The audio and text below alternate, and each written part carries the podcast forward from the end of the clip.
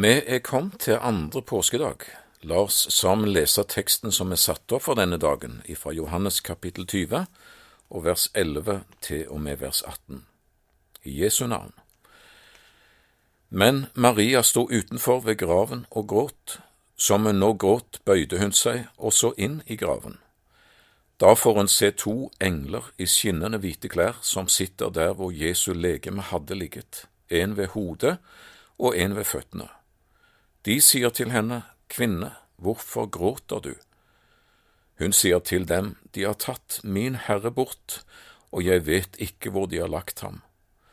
Da hun hadde sagt dette, snudde hun seg og så Jesus stå der, men hun visste ikke at det var Jesus. Jesus sier til henne, Kvinne, hvorfor gråter du, hvem leter du etter? Hun trodde det var hagevokteren og sa til ham, Herre, dersom du har båret ham bort, da si meg hvor du har lagt ham, så vil jeg ta ham. Jesus sier til henne, Maria. Da vender hun seg og sier til ham på hebraisk, Rabuni, det betyr mester. Jesus sier til henne, Rør ikke ved meg, for ennå har jeg ikke fart opp til Faderen, men gå til brødrene mine og si til dem, Jeg farer opp til min far og deres far, min Gud og deres Gud. Maria Magdalena kommer og forteller disiplene, Jeg har sett Herren og hun fortalte dette som han hadde sagt til henne. Dette er for meg en av Bibelens aller vakreste fortellinger.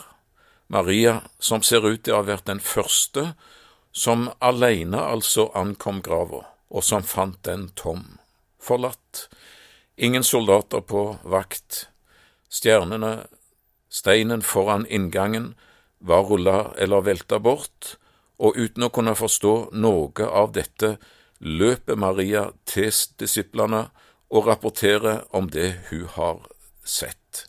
Peter og Johannes løper så av sted straks, og Maria etter de. Johannes er den sprekeste, Peter en god nummer to, så de kommer først.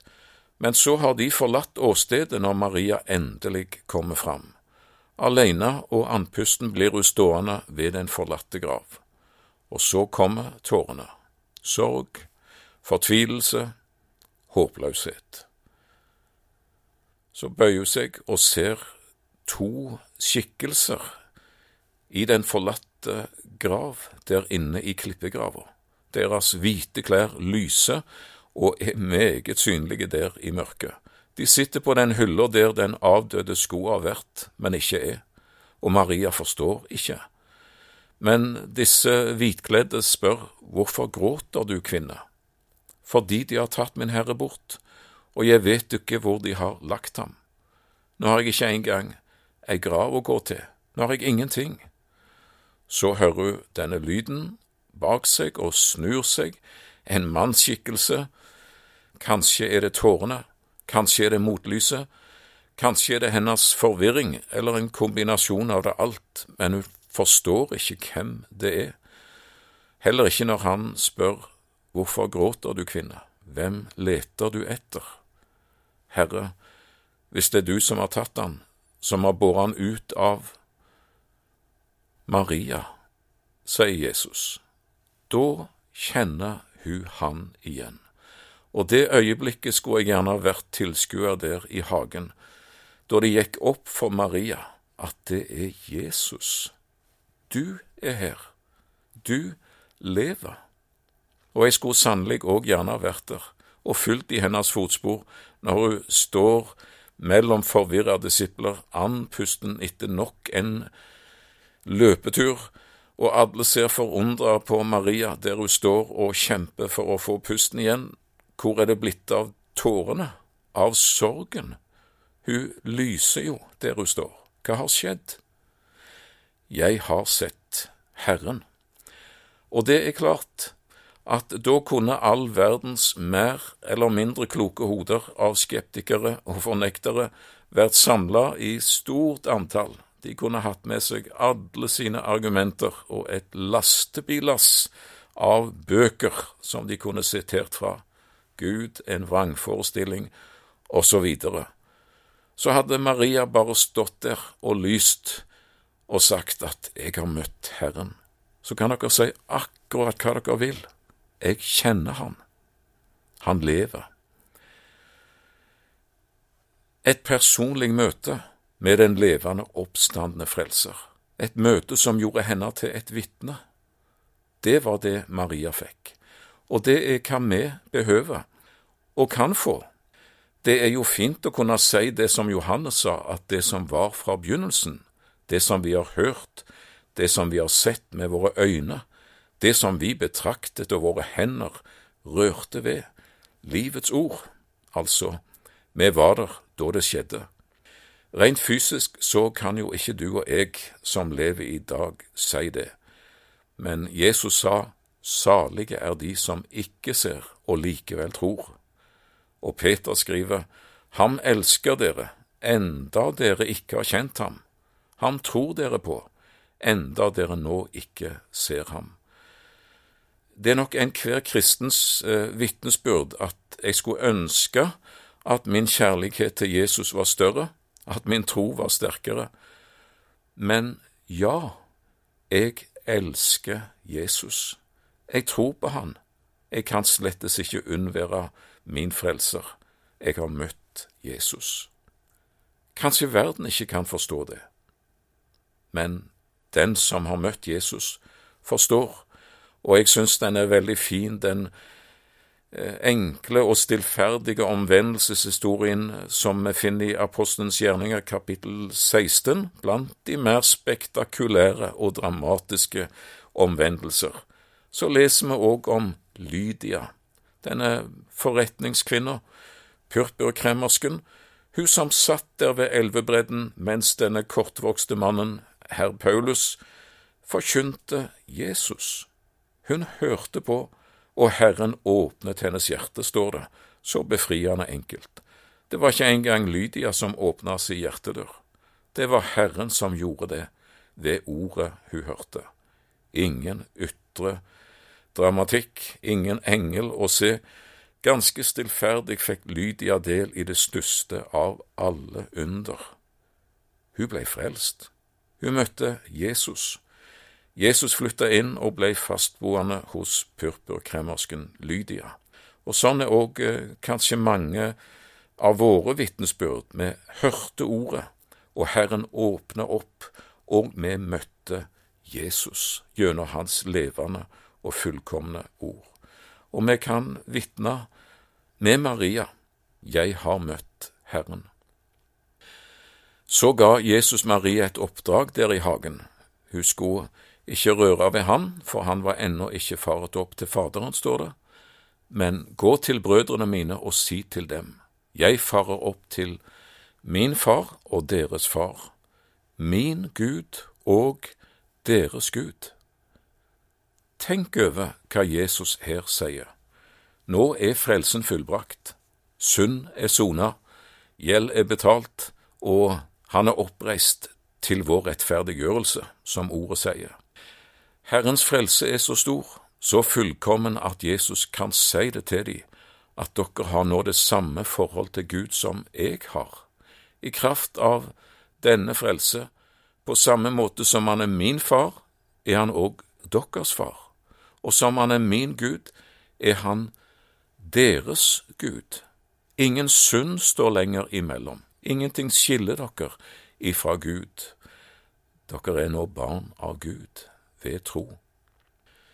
Det står et interessant ord, mange plasser møter vi dette i Skriften, og det ordet like som.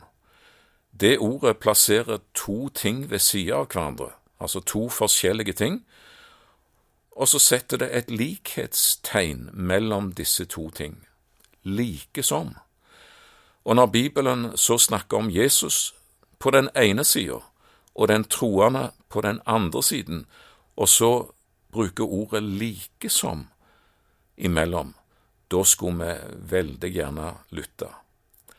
Noen punkter. Punkt 1.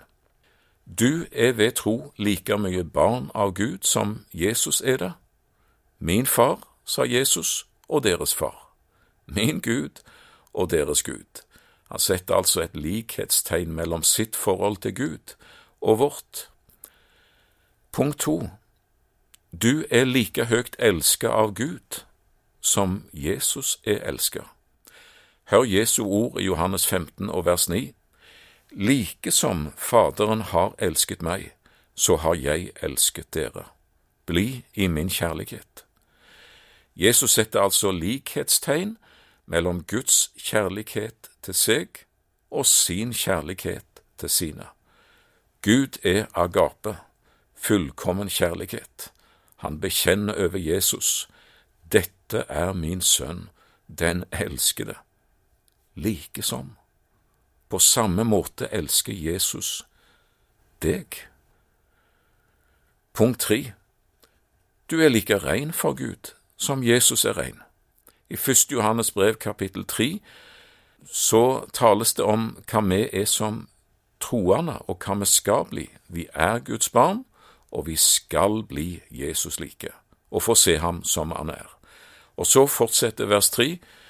Vær den som har dette håpet til ham, renser seg selv, like som han, med stor bokstav, altså like som Jesus er ren. Like som. Jesus behøver jo ikke renselse ifra synd, for han har jo ingen synder sjøl å renses ifra. Renselse er for de skitne, for syndere, rett og slett. Og dette ordet plasserer Jesus på den ene siden, som den han er, den hellige, den syndfrie. På den andre siden settes de rensede, altså de tilgitte syndere. Hvem er renest i Guds øyne? Den rene eller de rensede? Han som aldri har synda, eller de som er rensa ifra sine utallige synder? Like som, sier ordet. Like som. Like som han er rein, er de rensede reine. Så fullkomment rense Jesu blod. Ja, vi kunne visst sagt mer og plussa på flere punkter, men dette ligger i Jesu helsing til Maria der i hagen ved den tomme grav, en helsing hun skulle bringe videre til hans disipler, og videre fra de igjen til nye generasjoner, nye mennesker, nye slekter, nye tider, til det òg nådde oss i dag, og vi skal få gi det videre, det Jesus sa, min far og deres far min Gud og deres Gud, like mye barn av Gud som Jesus er det, like høyt elska av Gud som Jesus er elska, like rein for Gud som Jesus er rein, i kraft av den fullkomne, fullbrakte frelse. Og derfor så plusser jo òg Skriften på et fjerde, like som et punkt nummer fire. Du er like utsendt av Gud til verden som Jesus er utsendt. I Jesu avskjedstale til sine disipler, i hans forbønn for de, i det syttende kapittel i Johannes, i vers 18, sier Jesus til sin himmelske Far, like som du har utsendt meg til verden, har også jeg utsendt dem til verden. Like som, på samme måte, Gud utsendte Jesus til verden, og Jesus utsender deg og meg for at andre skal få del i dette. Maria blei et vitne. Jeg har sett Herren. Så sender òg Herren deg som sitt vitne i dag til de mennesker han har gitt sitt liv til frelse for, så de kan få del i det, det som du har fått ta imot.